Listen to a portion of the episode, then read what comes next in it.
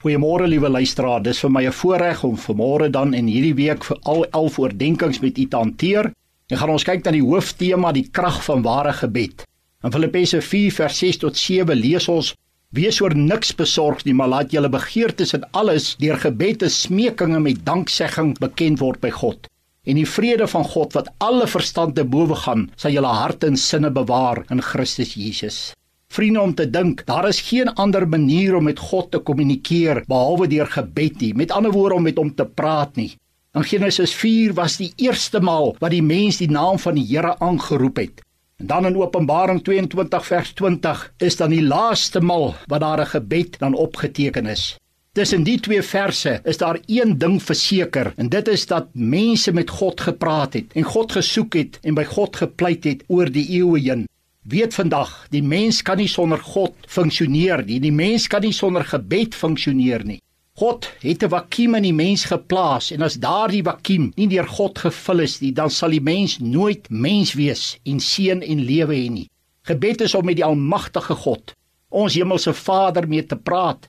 Gebed is om met Jesus Christus en die Heilige Gees te praat. Ons moet onthou, gebed is nie eerstens om dinge te vra nie, maar om vir God te aanbid. God se doel met gebed was nooit dat ons net aan ons eie behoeftes sal dink nie. Ons lees die waarskuwing in Jakobus 4 vers 3: Julle bid en julle ontvang nie omdat julle verkeerd bid, om dit in julle welluste deur te bring. Vriende, om met God te praat en in 'n verhouding met hom te staan is die kern van menswees. Mis ek dit, dan was ek nooit mens nie. Die probleem wat ons baie keer kry in huwelike en in verhoudings is dat daar te min of glad nie gekommunikeer word met mekaar nie. Mense praat nie met mekaar nie.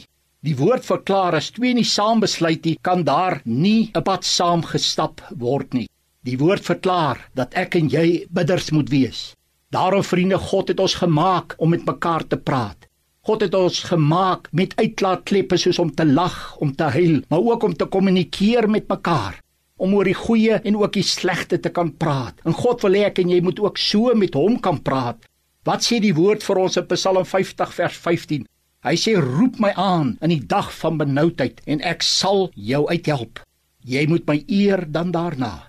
Dan in Psalm 126 vers 5: Die wat met trane saai, sal met gejubel maai. Ek vra jou vandag, praat jy nog met God?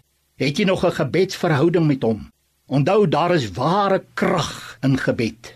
Amen.